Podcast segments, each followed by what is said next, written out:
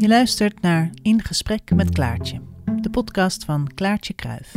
Zij is ex-theoloog des Vaderlands, dominee, psycholoog, moeder van drie dochters en schrijver.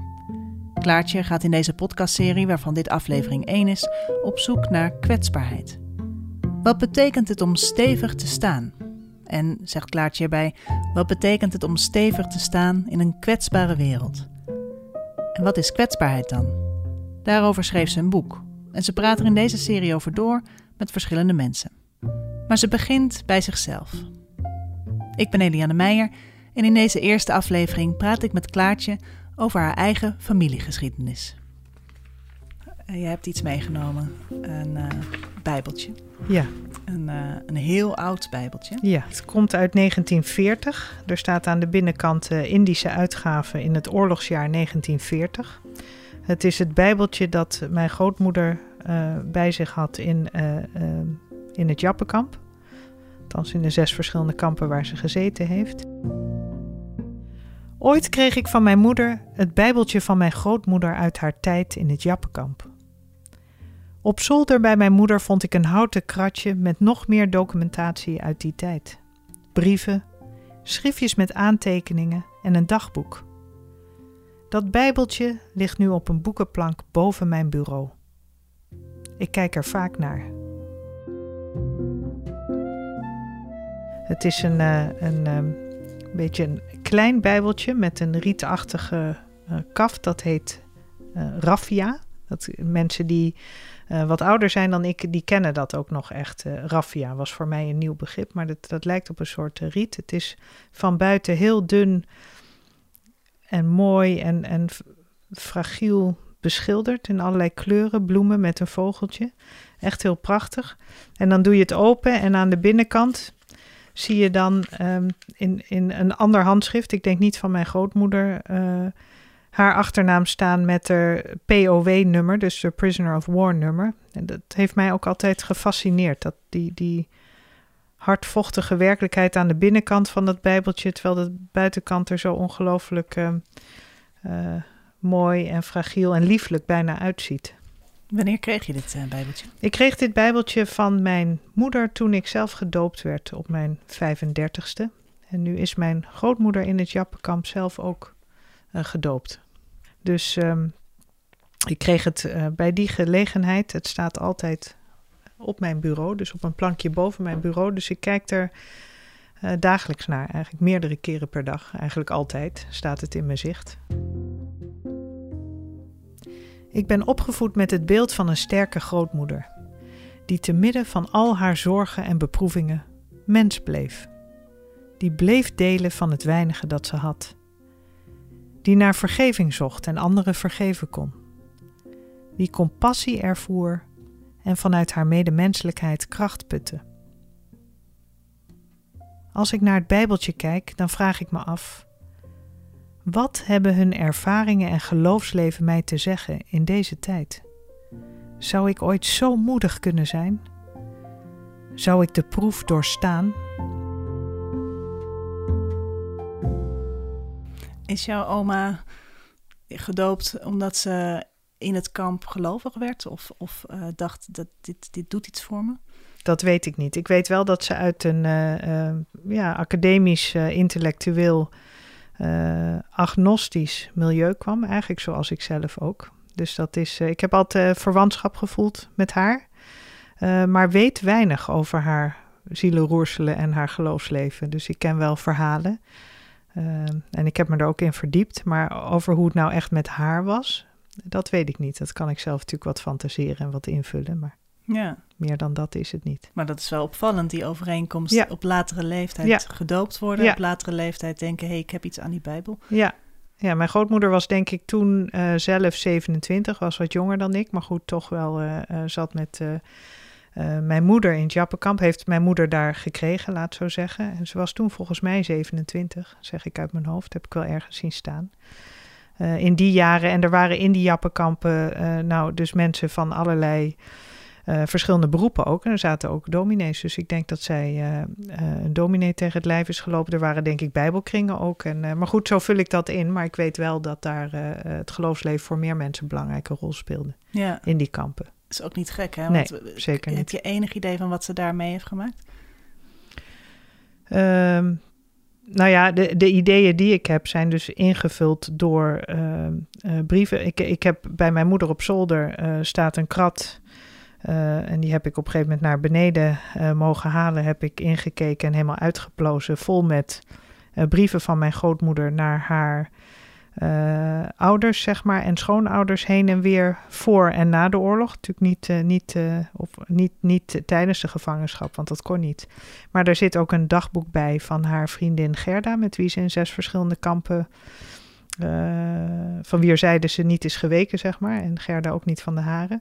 Die zaten altijd samen. Dus daar een dagboek van hun leven daar. Dus ik heb wel daaruit een idee gekregen. Ehm, al, al hoor je vaker over die tijd, en dat zou me ook niks verbazen, dat, dat er wel heel redelijk positief werd geschreven ook. En, en dat het, het was natuurlijk niet de tijd dat mensen veel over hun gevoelens spraken. hè. Dus het zijn krachtige, positieve eh, brieven vaak. En, en er komt ook ellende in, voor, in voor, maar er wordt niet erg bij stilgestaan. Hè? Hm. Dus je zou kunnen zeggen dat het misschien wat gekleurd is in die zin. Maar eh, wat voor ellende dan? Nou ja, kijk. Eh, als, er, als er wordt geschreven bijvoorbeeld over hoe eh, eh, dan mensen op zoek gingen naar eten. en dan wat gingen eh, ruilen en, en handelen met inlanders aan de, aan de grenzen van het kamp. En als ze dan gepakt werden, hoe dan het hele kamp straf kreeg en hoe niemand te eten had. En de vrouwen die dan hadden een- naar eten op zoek waren geweest, eh, werden mishandeld en een paar dagen opgesloten. En de rest van het kamp niks te eten kregen. En de kinderen, eh, eh, kinderen in coma raakten. Weet je, het zijn, het zijn maar kleine passages vaak, maar dat, dat, dat verraadt al zoveel. Of, of die eindeloze uren in die brandende zon op appel, waar je ook vaak over hoort, over die Jappenkamp, hoe zwaar dat was. Dus het wordt wel beschreven, maar meer nog wordt beschreven de, de saamhorige eh, ervaringen van, van dat, dat ze toch op elkaar leunden, dat ze er wat van maakten. Eh, hoe ze eh, bijvoorbeeld mijn grootmoeder en haar vriendin Gerda, ze, kregen, ze kregen in iedere kamp. in ieder kamp steeds minder. Dus in het begin kregen ze echt nog wel wat meer te eten. En dan bijvoorbeeld een lepeltje suiker per dag. Maar dat bewaarden zij dan in een stopfles. En dan staat erbij in, in dat dagboek voor in bange dagen. En op het moment dat er inderdaad kinderen in coma raakten, konden zij op de tong van een aantal van die kinderen een beetje suiker leggen. En die kinderen kwamen dan weer tot leven. Hè? Dus er kwamen con- constant van die, ja, toch wel moedige eh, verhalen die voornamelijk te maken hadden met eh, voor anderen ook blijven zorgen, waardoor je zelf ook op de been blijft of zo. Hè? Dus eh, Hm. dat, dat is redelijk fascinerend. En jij laste dit nou ja, op je 35ste. Ik kan me voorstellen dat je zo bent gaan, gaan bladeren in, in al die documenten van vroeger. Ja. Ehm, wat deed dat toen met je? Nou, het is emotioneel, hè? want als je zo'n zo'n dagboek bijvoorbeeld leest, dan, dan lees je ook op een gegeven moment dat eh, eh, de man van na de oorlog, aan het eind, dat de man van Gerda op een gegeven moment aan de, dat, er, dat er nieuws is dat, dat er waarschijnlijk mannen terugkomen, sommigen. En dat de man van Gerda aan de poort staat. Eh, en dat eh, mijn grootmoeder, dat het eh, de eerste keer zeg maar vals alarm is. eh, dat er iemand anders staat en dat is dan niet mijn grootvader. En de tweede keer komt er een brief dat hij is overleden. Nou ja, hè, dat weet ik niet. ik weet nog dat ik het lees en las en dat dat, ja, dat, dat de tranen je in de ogen staan. Dat je denkt, ja, dit. Dus het, Dit was jouw opa. ja, dus het doet, het doet wel, eh, het doet natuurlijk wel wat met je. Omdat je ook voelt dat het eh, familie is. En tegelijkertijd voel je hoe ver het van je afstaat. Ehm, en die grootmoeder leeft door mijn moeders verhalen wel heen. Dus ik heb een beeld van haar, ik heb een foto. Zij heeft dus haar, haar vader ook nooit gekend. Nee, nee. En haar moeder is toch vrij jong ook overleden. Is eh, chronisch ziek geweest eigenlijk na dat kamp. Maar nog steeds een hele eh, sterke vrouw. Dus iemand die het niet, eh, echt niet makkelijk heeft gehad. Maar na de oorlog waren de verhalen uit de opvoeding ook toch met kerst altijd... met het weinige dat ze hadden, toch iemand uit de straat uitnodigen die, die niemand had. Altijd, altijd maar denken aan die ander en daarmee zelf op de been blijven. Dat is, dat is wat mij nog het meest eh, bij is gebleven, eigenlijk door alle verhalen heen. Ja. En nu speelt het bij- Bijbeltje een rol in jouw eh, nieuwe boek. Ja. Ehm, over ehm, nou, noem de titel maar eventjes. Want het is, een, is een best wel lange titel. Ja, nou ja, daar ga ik ontzettend mijn best voor doen. Het heet uh, Stevig staan in een kwetsbare wereld. En dan heeft het als ondertitel Het belang van een krachtige levenshouding. Ja, en dan denk ik krachtige levenshouding. Ja, dan jouw oma had er blijkbaar eentje gevonden. Ja, ja. Ja, dat klopt. Ik, ik, uh, ik, ik heb eerst geprobeerd een boek over mijn grootmoeder te schrijven. Of althans niet in een, in een soort uh, biografievorm, maar meer dat ik echt probeerde heel veel te schrijven over hun levenshouding van, van die vrouwen in dat kamp. Maar toen vond ik uiteindelijk dat ik toch te weinig materiaal had. En misschien te veel erbij was gaan um, verzinnen, zeg maar. Uh, waardoor ik dus nu niet een boek over hen heb geschreven, maar het wel als inspiratie. En ik laat het in mijn boek af en toe terugkomen. He, bijvoorbeeld onderwerpen als vergeving heb ik echt veel van mijn grootmoeder geleerd via het papier. Uh, en ook uh, over hoe je van je leven kan delen, bijvoorbeeld. Daar heb ik ook echt, uh, nou ja, eigenlijk, eigenlijk via het papier heel veel kunnen leren. en, en ook echt gedacht, hier zit een waarde die eigenlijk via de voorouders gewoon wordt doorgegeven. Dit is een waarde die zit dus kennelijk in mijn DNA. Die moet ik alleen ontdekken. Of die moet ik uh, nou ja, misschien wel letterlijk ontdekken. Het lijkt me een hele prettige gewaarwording dat je blijkbaar die kracht in je familie hebt zitten. En dus ook in jou. Ja, ja, en dat, dat dus ook in mij is dus dan de vraag. Hè? Want dat is dus, dat is denk ik de vraag die ik telkens heb als ik dan uh, naar dat Bijbeltje kijk, heb ik me eigenlijk al uh, jaren afgevraagd: zou ik uh, de proef doorstaan? Dat vind ik, dat vind ik, dat is een vraag die mij fascineert. Hè? Zou ik ook zo krachtig kunnen zijn? Zou ik het aankunnen? Het. het. het in de brandende zon staan, of, of heb je het dan over iets anders? Dat. Ja. Het in zo'n kamp, het met niks, het gevangen, het altijd maar afvragen of je er levend uitkomt. De echte beproeving. De echte beproeving heb ik me afgevraagd, maar het geeft me ook een soort kracht. Want ik merk dat ik soms ook wel. Het heeft mijn visie ook wel op mijn werk en mijn leven wel veranderd. Omdat ik. Uh, kijk, je kunt altijd maar twijfelen ook. Uh, wie ben ik uh, en geloof ik nou echt en hoe dan? Uh, naast het Bijbeltje staat er op mijn bureau een kaart van Loesje van de posters. En daar staat: zou, God, zou God eigenlijk nog wel in ons geloven? Dat vind ik zelf altijd een heerlijke omkering eigenlijk. En dat in combinatie met dat Bijbeltje zet mij wel aan ook om er ook wel aan die vragen te gaan staan. Er ook niet zo bang voor te zijn. En ook te denken, je, je kunt dus met je levenshouding, de manier waarop je in het leven staat, kom je ook een heel eind. In plaats van constant maar wachten of je nou wel of niet gelooft en hoe dan. Uh, dat vind ik eigenlijk steeds minder interessant worden, merk ik. Ja, want je bent dominee geworden later in je leven.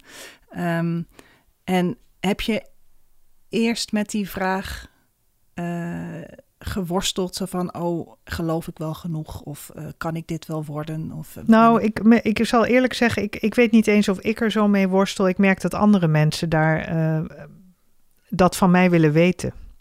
En ik meer en meer dat gesprek eigenlijk niet meer zo graag aanga. Van wat is dan God precies voor jou? Of hoe ziet dat er dan uit? Of, uh, um, hè, dus, dus dan moet je een soort van in, in woorden kunnen verklaren wat dan jouw basispositie is in deze. Terwijl het voor mij allemaal veel groter is eigenlijk. En in die zin ook ja, ongrijpbaarder en, en mysterieuzer. Um, maar, maar ik denk wel dat we wel degelijk in het leven wat we leiden toch antwoord kunnen geven aan dat uh, diepe geloofsverlangen, wat ik zeker heb. Dus, dus het, het, het zit bij mij ook in een, in een verlangen om op een bepaalde manier uh, te leven. En ook uh, dingen die ik niet begrijp of niet in de hand heb, ook te kunnen laten gaan. En denken dat is dan misschien wel aan die God. Um, en, en in die ruimte vind ik dan um, documentatie over, over het leven van krachtige vrouwen wel degelijk een, een inspiratie. En die, die krachtige levenshouding van jouw oma. Um, wat, wat, is het, wat is het precies, zo'n krachtige levenshouding? Nou, dat, dat, kijk, dat ga je langs, denk ik, verschillende soort ankerpunten die, die allemaal met elkaar te maken hebben. Maar het is, de, het, is het je kunnen. Je, je, de diepe, uh, bewust, uh, bewuste medemenselijkheid, dat, dat is wat zij uh, had, als ik het zo lees. Hè. Dat ze bijvoorbeeld in een brief op een gegeven moment naar huis. Um, komt zij erachter. Kijk, kijk, na de oorlog schrijft ze, schrijft ze brieven naar huis. En heeft ze natuurlijk geen idee als je daarin probeert in te leven. Je bent dus jaren niet in contact geweest. Dat kunnen wij ons überhaupt niet voorstellen in deze tijd. Nee. Um, dat, en je hebt geen idee hoe, hoe, hoe het oorlog is geweest in Nederland. Wie er nog leeft. Uh, wat er met mensen is gebeurd. Je hebt geen idee. Dus over en weer in die brieven hoort ze bijvoorbeeld dat er een vader inmiddels is uh, overleden. Maar ze hoort ook dat haar buurmeisje, waar ze heel close mee was, uh, NSB'er is geworden. En dan schrijft ze op een gegeven moment in een brief naar huis. Ze heeft natuurlijk ook, en dat vind ik ook wel interessant eigenlijk, de tijd om daarover na te denken. Dus ze hoeft niet meteen uh, erover te appen en er eerste emoties. Ze hoeft niet primair te reageren, want daar is, geen, daar is gewoon te veel tijd voor eigenlijk. Hè, tussen denk ik, uh, de brieven op en neer door. Dus ze heeft misschien ook wel tijd gehad om eraan te wennen. Maar dan schrijft ze bijvoorbeeld naar huis. Hoe, zeg, hoe is het eigenlijk met Anna? Want ook zij heeft, net als ik, alles verloren. Ja, dat, dat vind ik. Dat, dat zijn zinnen, die zijn voor mij gewoon leidend geworden. Als je zo in het leven kan staan, dat, dat, ik vind dat groot. En ik vind het ook bevrijdend. Uh, als je zo zou kunnen denken. Uh, ik zeg niet dat het mij uh, makkelijk lukt, maar ik, ik, er zit ook een vrijheid in. Dat je elke keer dus jezelf en de ander opnieuw kan bezien en een kans kan geven. En dat je ook echt kan inleven. Dat je kunt begrijpen dat, dat ook zij alles is verloren. Ja. Dat ze misschien wel een keuze heeft gemaakt waar jij het vast moeilijk mee hebt, maar dat je dus die, die, die stap kan maken. Hè? Um, Denk je dat het ook makkelijker was om zoiets dat het makkelijker was in die tijd om zo, um, zo in het leven te staan, omdat er letterlijk een tragere communicatie was? Nou, dat vraag, heb ik me wel eens afgevraagd of dat scheelt.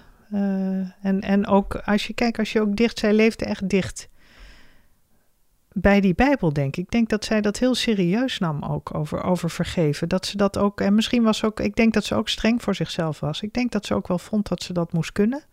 Denk ik, hè? ik zit dat in te vullen. Maar ik denk dat het iemand was die wel streng voor zichzelf was. Dus daar zou, hè, daar, zou, daar zou je ook, uh, nu bij wijze van spreken, je zou daar natuurlijk van alles over kunnen uh, denken of vinden. Maar ik denk dat, dat het ook echt een richtlijn was om dat te proberen. Hm. Om dat ook echt in praktijk uh, te brengen. Kijk, kijk, bijvoorbeeld met die Bijbel lezen, wat ik ontzettend boeiend vind, is dat je nu ontmoet, nu zijn natuurlijk de grote vragen van, van wat doen we nou eigenlijk nog in onze samenleving nu, hè? gezamenlijk. En, en waar zit die gezamenlijke ruimte? Ik denk dat we die ook echt wel missen. En dan lees je in uh, het dagboek van Gerda op een gegeven moment in dat kamp, dat die vrouwen, die mochten niet samenscholen van uh, de jappen, zoals ze noemden.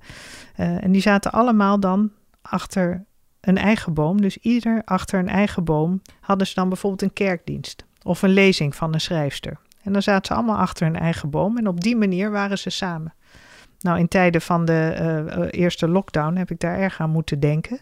In, in, een soort van bosje had iedereen een eigen boom, wel ja. ongeveer in dezelfde ruimte, maar niet naast elkaar. Kennelijk, dus we bedachten allemaal creatieve manieren om met zeg maar de, de, de regels om te gaan. Maar wat ze voornamelijk dus deden, was samen. Ja uit die Bijbel lezen, samen reflecteren kennelijk, samen een lezing. Uh, want je stond anders zo af, niet waar? Las ik ook ergens in, uh, in een regel van Gerda. Hè? Dat, dat, uh, dat is dus ook fascinerend dat je je ook daarin kunt trainen. En ook met elkaar kennelijk. Want je kunt natuurlijk ook zeggen, ja, nou ja, we mogen niet samenscholen. Nou, dan, dan niet. Maar dat ze daar ook echt dus moeite voor deden om andere manieren te vinden. Ja. Om elkaar toch uh, te ontmoeten. Nou, nou moet ik toch denken aan, aan deze tijd, coronacrisistijd, waarin dat dus ook niet kan, mag, ja. samen uh, komen, letterlijk. En dat we toch proberen ook om uh, manieren te vinden om samen te zijn. En dan moet ik denken aan een beeld van een concert dat ik zag van nou ja, ik weet dus niet of het klopt, maar van de Flaming Lips, dat iedereen in een eigen bubbel, letterlijk in een eigen plastic bubbel, een concert uh, meemaakt. Um, Leg jij die link ook met wat wij nu wat wij nu meemaken? Ik bedoel, het is geen Jappenkamp, natuurlijk ja, niet. Nee, ik leg die link zeker. Want ik heb uh, deze brieven las ik allemaal en, en het dagboek allemaal ver voor deze coronatijd. En ik vond het altijd fascinerend. Iedereen achter een eigen boom en toch samen scholen. Dacht ik, nou, dat is toch wat een, uh, wat een idiote tijd. En die lockdown begon en het was het eerste waar ik eigenlijk aan moest denken toen ik zag wat er allemaal voor initiatieven kwamen en hoe er geappt werd en hoe nabij we elkaar in één keer toch wilden zijn, hoe we elkaar misten.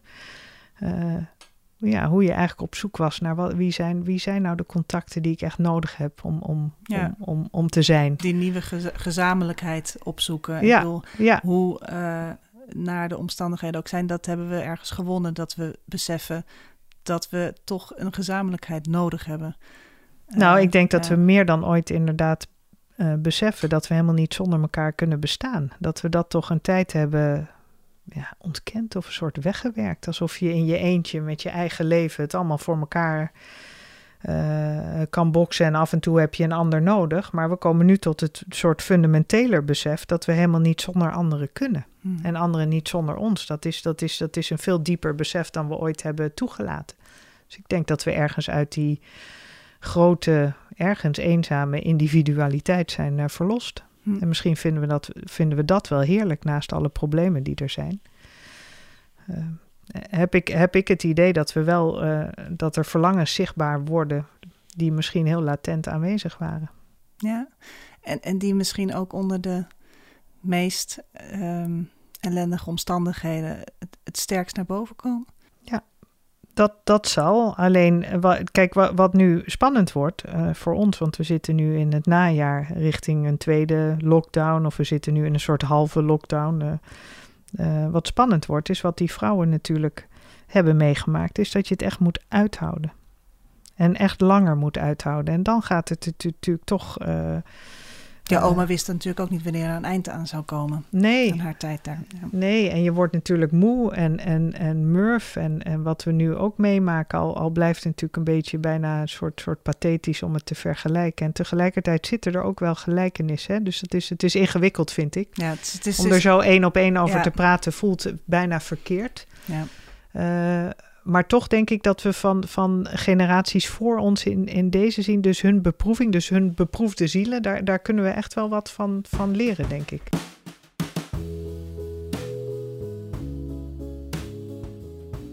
Als jij het hebt over wat jouw oma dus misschien wel uit dat bijbeltje haalde aan ja, levensmoed en uh, kracht. Ja, dat hebben wij nu ook nodig ergens. Ja. Um, uh, en misschien wat, wat ligt het, hebben we het altijd nodig, maar ligt het nu wat meer aan de oppervlakte dat daar een behoefte aan is. Um, dus op welke manier kijk jij dan nu naar dat Bijbeltje? Van, is, dat daar, is het daar dan te vinden, wat, wat jou betreft? Of is het een soort talisman? Een soort, je moet iets hebben om je aan vast te klampen. Nou, ik denk iedereen heeft zo ook eigen dingen om zich aan vast te klampen. Maar wat ik natuurlijk fascinerend vind van zo'n Bijbeltje. Kijk, ten eerste is dit een heel mooi Bijbeltje. Het is echt een tijdsdocument. Hè? Dus het is een Bijbeltje uit, uit het Jappenkamp, wat, wat uh, aangeraakt is, wat versleten is, waar, waarin gestudeerd is, waar ik haar, haar handschrift met aantekeningen zie. Kijk, dat, dat maakt het natuurlijk heel speciaal. Maar wat, wat aan die uh, eeuwenoude verhalen uh, vind ik zo speciaal is, is dat het, uh, het, die zijn doorleefd door zoveel generaties. Hebben die verhalen ter hand genomen, zijn in die verhalen gaan kruipen, hebben over die verhalen gediscussieerd. hebben gebeden, gerouwd, hebben teksten eruit gebruikt. Hè. Die, die hebben een integriteit. Um, waarvan ik ook wel eens tegen mensen zeg die bijvoorbeeld dan um, uh, best bij mij in een gespreksgroep in, in, in Bussen, waar ik nu werk, willen aanschuiven. Maar zeg ja, dat kan niet, want ik geloof niet. Dat ik wel eens tegen mensen zeg: uh, Het maakt niet uit of jij wel of niet, niet gelooft. Deze verhalen, die gaan al zo lang mee, die zijn integer van zichzelf. Hè? Dus die hebben een bestaansrecht, die, die, die zijn er. En uh, ja, jij voegt uh, die tekst voegt iets toe aan jouw leven en jij voegt iets toe aan die tekst. Dus het is een wisselwerking, het is een soort grote, eeuwenoude, existentiële conversatie waar je bent, uh, ja, je, waartoe je bent uitgenodigd, laat het zo zeggen. Dat, dat vind ik eigenlijk het meest fascinerend, dat ik met die teksten aan de haal kan, maar mijn grootmoeder ook mee aan de haal. Ik, ik zag net. Uh, um, eh, een, een Bijbelverhaal en dan zie ik een aantekening van haar. Denk, oh ja, zo zou je het inderdaad ook. Ja, dat is toch, dat is toch fantastisch eigenlijk. Ze, heeft gewoon in de kantlijn heeft ze een, een inzichtje. Ja, er staat heel. Ik zag net, ik had dat nog nooit gezien, want ik had die bladzijde toevallig niet gezien. Ik heb ook niet alles altijd. Uh, maar goed. En daar staat dan uh, uh, met potlood wezensverandering. Dus dit, dat was dan voor, voor haar was dit een, een, een verhaal, een metafoor voor, voor, voor een wezensverandering kennelijk. Of nou ja, goed, dan denk ik, moet ik eens even op studeren wat ze daar precies mee bedoelde. Ja. Ehm, maar dat, dat is natuurlijk fascinerend. En ze heeft aan het Um, op de eerste bladzij heeft ze twee uh, Bijbelversen uh, genoteerd. Nee, nee, oh nee, vier. De verschillende evangeliën Gethsemane. Dus Jezus die zich terug, terugtrekt om te bidden. Uh, ik denk dat ze die echt daar heeft opgeschreven voor, voor de echte bange dagen. Dus die had ze meteen ter hand. Dat, dat denk ik, hè. dat is inlegkunde van mijn kant, maar dat weet ik bijna zeker. Wat is die tekst? Uh, weet ik niet uit mijn hoofd. Het zijn vier verschillende, dus uh, verschillende um, versies in de verschillende uh, evangelies. Een soort hyperlink heeft in, in Een soort, op, soort hyperlink, ja. Zo van, ik kan meteen naar de juiste bladzijde Nou, om, precies. Om precies. troost te vinden of, of om bemoediging te vinden. Bemoediging, denk ja. ik, troost, ja. Dus ik zou dat even moeten nalezen wat er precies staat. En dan naar achterin, het bijbeltje, heeft ze... Maar daarin een keurig handschrift, ja, een soort van categorieën uh, wat, wat denk ik heel ouderwets misschien hoorde bij geloofsopvoeding of categorisatie, zoals dat heet. Wat ze denk ik in, in het kamp heeft gehad. Dat denk ik. Um, maar nogmaals, dat weet ik dus niet zeker, maar dat is dan een vermoeden. En er staat bijvoorbeeld uh, geboortedag. En dan staat er dat je in de psalmen moet zijn, of bij Jezaja of Deuteronomium. En dan staat er waar je moet zijn als je teksten over de doop en de opvoeding. Maar ook uh, ja, echt ouderwetse woorden. Uh, dus, dus een van de categorieën is ziekte, smart en beproeving. Hier zie ik gedachten aan de dood, maar ook volksrampen. Nou ja, dat vind ik dus ook interessant, want ik heb dus hier heel vaak in zitten kijken. En ik dacht altijd, volksrampen, dat kennen wij helemaal niet. En nu zeg ik dat tegen jou en denk opeens, denk ik, ja, misschien is dit wel een volksramp. Ja. En dan zie ik het volgende kopje, maatschappelijke verhoudingen. Nou ja, alles wat we nu doen, heeft effect op zeg maar de ander. En we zijn constant nu met een soort nieuwe verhoudingskunde bezig tussen de generaties, uh, met vrienden, familie, zelfs in mijn eigen gezin. Ja. Is, hebben we precieze en rekkelijke en hebben heel veel discussies over hoe we met dingen omgaan onderling. Dus ik, ik, Maar, maar fungeert dat zo'n zo zo'n index, zeg maar, voor jou dan ook nu nog zo? Zo van, oké, okay, laat ik eens kijken wat er in de Bijbel over volksrampen staat. Kijken of me dat. Nou, ik zal je zeggen dat dit, dat, dit, dat dit me nu weer opvalt. Nou, ik heb, ik heb dus de, deze twee bladzijden uh, al een jaar niet bekeken. En ik ga dus nu vanavond kijken wat er staat bij volksrampen. Toch wel? Ja, ja dat, vind, dat vind ik dan. Uh, um, sowieso interessant ook. Gewoon ook interessant. Hè? Ik ben natuurlijk gewoon theoloog. Dus ik, heb, ik, ik vind dit, dit, dit vind ik interessant om dit te lezen en dat dan na te zoeken. Maar ik ben ook mens en, en, uh, en net zo goed als iedereen op zoek naar uh, ja, wat extra kracht en richting en perspectief. Dus ik zal daar ook uh, en, en hoop dat in, in mijn werk en via mijn werk door te geven aan anderen. Dus ik zal zeker naar de volksrampen kijken. De gedachte aan de dood laat ik even aan me voorbij gaan. De maatschappelijke verhoudingen zal ik nog eens lezen. Ja, en dan zie je, nou ja, de zondag. En nou ja, zo gaat het. De Leidensweek. En dan, dat zijn meer de christelijke feesten. Maar goed, ja, interessant toch? Hoe je dat. Uh, het, was, het natuurlijk ook toen wat, misschien allemaal wat duidelijker, hè? welke teksten je wanneer ook las. En in die zin ook wat minder vrij. Hè? Wij kunnen veel vrijer, denk ik, met zo'n Bijbel en met ons geloofsleven omgaan. Maar misschien missen we ook soms wel eens dit soort structuur. Ik weet het niet. Ja, ik, uh, een index, ja. Een index. Hier moet je zijn. Hier moet je zijn uh, in het kader van volksrampen. Nou, bij deze 2020.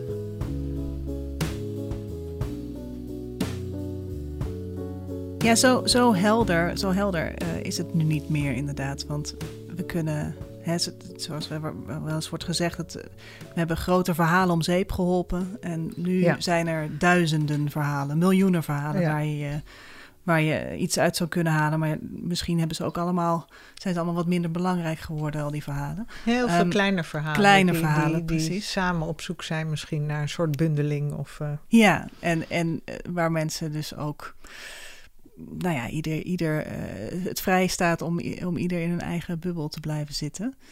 Um, nu zeg ik het heel negatief, want het kan natuurlijk ook heel erg prettig zijn dat je je eigen verhaal als een kleinoot of als een diamantje, zeg maar, kunt koesteren. Maar um, het, het levert in ieder geval een zoektocht op naar, naar wat is dan mijn verhaal. Mm. Um, en um, jouw boek gaat volgens mij ook over die zoektocht. Over um, waar, waar, waar haal ik mijn uh, bemoediging en troost vandaan. Um, en dat begon, jouw zoektocht begon al voor de coronacrisis natuurlijk. Want we hebben nu die vergelijking wel getrokken. Maar even los van, van waar we nu in zitten. Mm -hmm. Waar begon die zoektocht van jou waarvan, je dacht... ik moet hier een boek van maken. Ik moet hier uh, iets, iets maken waarvan ik dan kan delen. Um, nou, dat begon, um, dat begon, ja, dan ben ik even saai, maar dat begon dus bij dat Bijbeltje. Omdat ik dacht, ik, ik moet iets met uh, deze krachtbron, uh, um, die documentatie over die vrouwen en ook overigens over mijn grootvader ook. Um, een verpleger die aan zijn uh, sterfbed zat. Dus, en die heeft een hele mooie brief aan de familie gestuurd na de oorlog. Dat zat er ook nog tussen. Er zat ook een boekje in van een. die heeft mijn grootmoeder daar denk ik ingestopt. In dat, of bij die spullen van een soldatendominee. Dus dominee Hamel, die met de soldaten. die zeg maar met de krijgsgevangenen aan de Burma Railway optrok steeds. Eh, dus er zat, van, er zat zoveel waardevols ehm, dat ik dacht, hoe kan je dit nou hertalen naar ankerpunten voor deze tijd? Hoe kan je nou hier iets uit destilleren wat universeel is en wat, wat uh, ik kan doorvertellen, wat ik zodanig kan uh, begrijpen of voelen of, of ehm, ja, meemaken op een bepaalde manier dat ik dit ook aan mensen door kan geven. Dus zo, het begon ook echt wel bij dat Bijbeltje. Ja. En, en dus dat verlangen, dat ik steeds keek naar dat Bijbeltje en dacht, daar zit iets van waarde. Wat wij zijn kwijtgeraakt. Of wat zo ondergesneeuwd is. En dat heeft inderdaad te maken met die.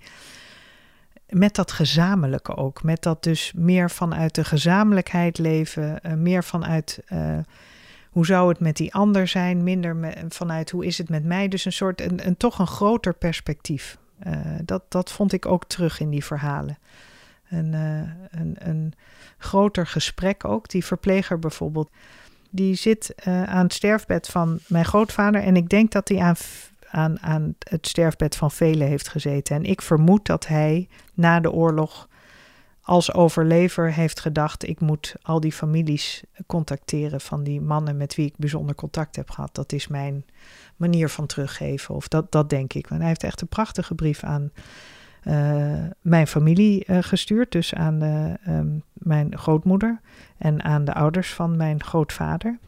Waarin hij schrijft over de bijzondere gesprekken die hij met mijn grootvader had. En mijn grootvader was, denk ik, van de tweede ongelovige. Als ik de verhalen uit de familie een beetje bij elkaar puzzel. Maar hij zegt: wij hadden bijzondere gesprekken over het leven. En dan schrijft hij dus ook over nou ja, over wat je waardevol vindt, wat je vasthoudt, over vergeving ook, over de liefde, over hoe moeilijk mijn grootvader het vond om, om juist mijn grootmoeder los te laten en dat babytje waar hij over had gehoord, die hij natuurlijk nooit had ontmoet, maar waar hij wel van wist. En met hoeveel liefde die dat uh, uh, ook wel, met hoeveel liefde die over ze sprak. Maar ook, schreef die verpleger, hadden we het over onze mensbeelden en godsbeelden. En hoewel we hetzelfde eens waren, waren het zeer waardevolle avonden. Nou, dat, dat is ook een zin die mij steeds weer bijblijft, denk ik. Wanneer kunnen wij nou zeggen dat we het hebben over deze existentiële dingen en ook over godsbeelden en mensbeelden uh, en, de, en, en over grote thema's, als we, voor, wat nou echt belangrijk voor ons is. Wanneer hebben we het er nou over en kunnen we ook zeggen, we waren hetzelfde eens, maar het was ontzettend waardevol kan dat nog naast elkaar bestaan? Ik denk dat we die kwaliteit. Uh, en dan ben ik wel negatief. Ik denk dat we die kwijt zijn geraakt. Maar ik denk wel dat die uh, wel tevoorschijn kan komen. En, en misschien is deze tijd wel uh, een, een belangrijk, ook als heroriëntatie, dat we dat weer proberen op te delven met elkaar. Dat het dat, dat je met elkaar echt op een, op een wezenlijk niveau in gesprek kan en, en kan reflecteren. En ook echt kan zeggen, ik denk hier anders over, maar misschien ook je aan elkaar kan scherpen, van elkaar kan leren. Dat je ook door een ander laat veranderen. Dat je met die, die wat ik door die brieven heen las, was ook de open geest en de ruimte uh, voor het gesprek. Dat het gewoon kon. Ze hadden natuurlijk ook niks anders. En mijn grootvader lag te sterven. Dus ja, en, en dat is natuurlijk, dat merk ik aan mijn werk ook. Uh, gesprekken aan een sterfbed zijn eigenlijk per definitie uh, vaak natuurlijk intiem en intens. Um, maar het zijn ook wel de gesprekken waarvan ik denk: waarom alleen nog maar aan een sterfbed? Waarom kunnen we dat niet eerder en beter en kwalitatiever ook? Nou, wat is daarvoor nodig, denk je? Um,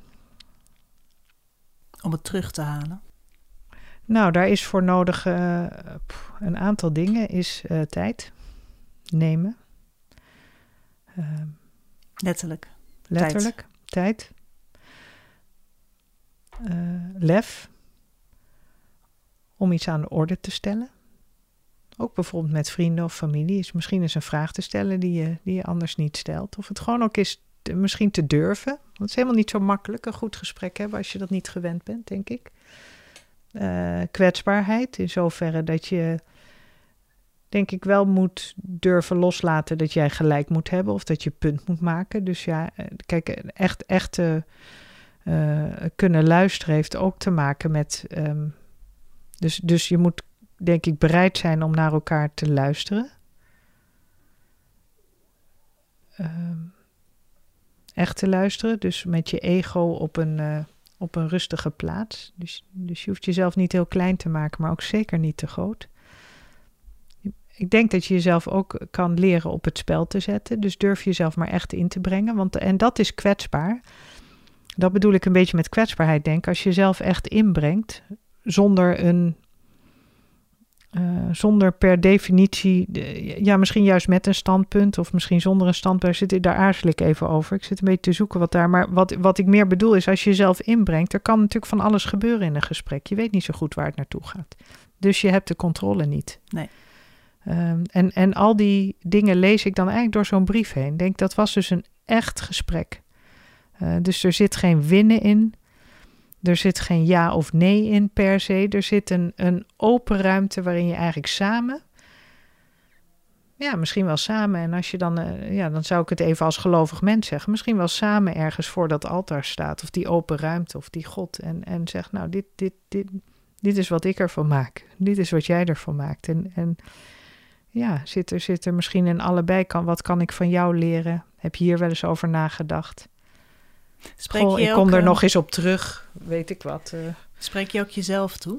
Ik, ik, ik hoor van wat er voor nodig is, is een, dat je aandachtig hier, hier bent en uh, mensen aanhoort. En Ja. dat je jezelf meeneemt in, in hoe je reageert. Ja. Um, is dat ook iets wat jij jijzelf moet leren? Nog steeds? ja hoor, daar moet ik me constant in, uh, in oefenen. Ja, zeker. Is dat, is echt, echt, echt goed in gesprek gaan met elkaar is. Echt goed luisteren is, eh, is, een, is een kunst. Uh, ja. Is echt een kunst. Dus. dus uh, maar is jouw zoektocht ook begonnen met, met het, het verlangen, de behoefte van, jou, van jouzelf om dat dus beter te kunnen? Of om daarin, om het voor jezelf terug te halen, die, die vaardigheid? Of Kijk, jij bent er natuurlijk ook in, in, in opgeleid. Hè? Mm -hmm. uh, je, hebt, je, hebt, letterlijk een soort training gehad om naar mensen te luisteren. Uh, nou, toch wel als dominee. Nou, je leert het meer als in, in het Aldoende, werk. Ja, ja, om nou te zeggen dat we daarin getraind zijn, het zou wel wat meer mogen eigenlijk. Ja, nog meer. Ja, ja. ja, ja. Maar goed, het, het, is, het is duidelijk dat het ook je ambt is. Uh, ja. Um, maar ik kan me voorstellen dat je niet zo, zomaar zo'n zoektocht begint.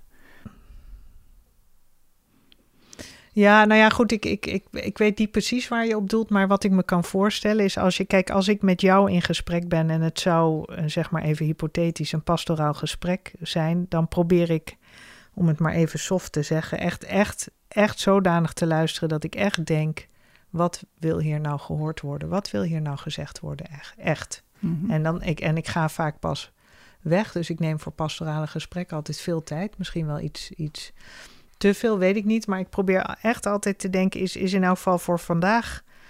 Ben ik helemaal uitgeluisterd? Is, is, is dat nou gezegd wat er gezegd moet worden? Is, is, is er voldoende ruimte geweest? En, en misschien heb ik gedacht, als ik dat uh, telkens naar dat Bijbeltje kijk, uh, gedacht: wat, wat wil er in mij gehoord worden? Ja, wat, wat, wat wil dit over mij zeggen? Wat, wat, wat, dat is wat ik bedoel. Ja, ja welke uitdrukking heb ik nodig uh, om, om verder te gaan? Welke ankerpunten heb ik zelf nodig? Misschien wat ja. sterker aanzetten. Ja. Kan ik ze wat sterker aanzetten? Datgene wat ik misschien ergens in mijn fundament wel aanwezig voel. Dus als je dat bedoelt, uh, ja zeker. Ja, en wat, wat is het uiteindelijk, denk je, dat aangesproken wordt in jou door dat Bijbeltje?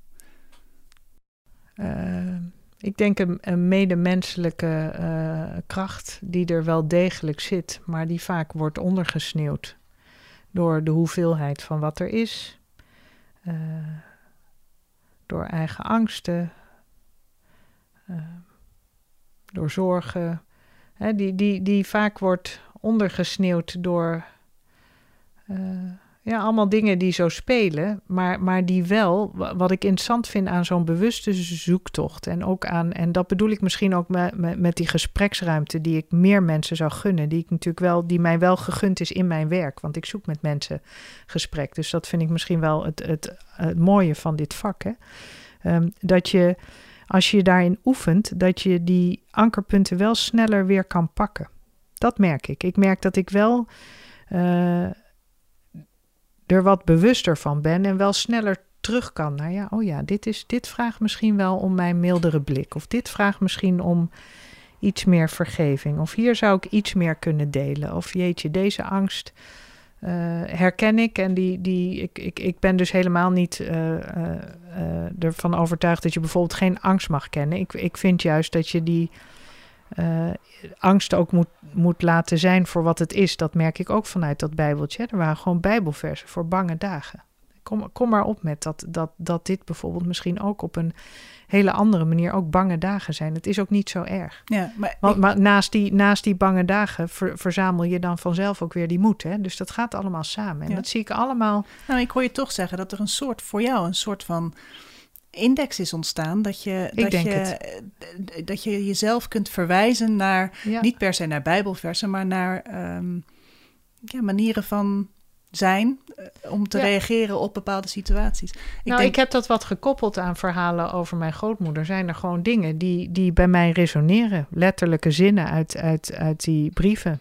Het, hoewel we hetzelfde eens waren, waren het zeer waardevolle avonden. En da- daar denk ik, gisteren was ik in een situatie dat ik naar huis ging en dacht, ik heb diegene eigenlijk niet laten uitpraten. Ik ging er dwars doorheen, omdat ik het oneens was. En, dat, en dan denk ik daaraan. En dat, dat is voor mij elke keer weer een soort waarschuwing. dacht ik, oh ja, ik wilde toch, ik wilde toch een, een, eh, een gesprek. Waarom stond ik die dan in de weg? ja, het is natuurlijk ook, je herkent het als het misgaat. en, Nou, en ook... en ook als het goed gaat. Jawel, ja. jawel, ook hoor. Ook. Ook. Ja, ook. Allebei. Allebei. Je mag jezelf ook wel af en toe zeggen. Het gaat, weet je wel. Ik ben in die zin ook, eh, denk ik, van de generatie dat je iets minder streng voor jezelf hoeft te zijn. Nou, jij gaat eh, het over dit hebben, maar ook over een heleboel andere onderwerpen. Je, je gaat in deze podcast in gesprek met, eh, met een heleboel mensen. Wat, wat hoop je dat er uit deze serie nog voortvloeit? Nou, ik hoop voor mij eh, heel egocentrisch, maar zelf meer inzichten. Want ik ga mensen interviewen eh, eh, die mij inspireren, waar ik van geleerd heb of waar ik iets van wil leren. Of waarvan ik denk dat zij voor mij toch wel een ankerpunt wat kunnen toelichten of wat perspectief kunnen bieden. Dus ik hoop zelf eigenlijk met dat boek een stap verder te komen. Nog een stap verder. Oh ja, heerlijk. Ja, ja je moet volgens mij blijven leren. En, en, en weet je, ik, ik denk ook. Eh,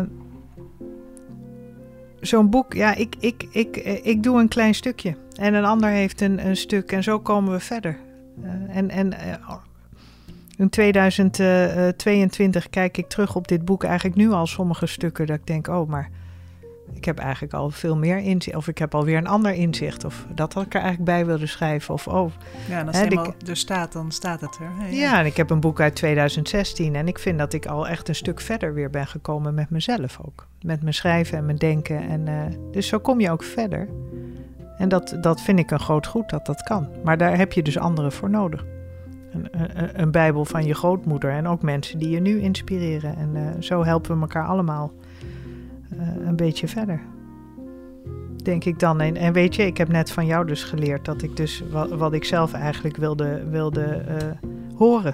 Ja, dat had ik zelf niet bedacht, maar zo is het natuurlijk wel. Dankjewel. Alsjeblieft.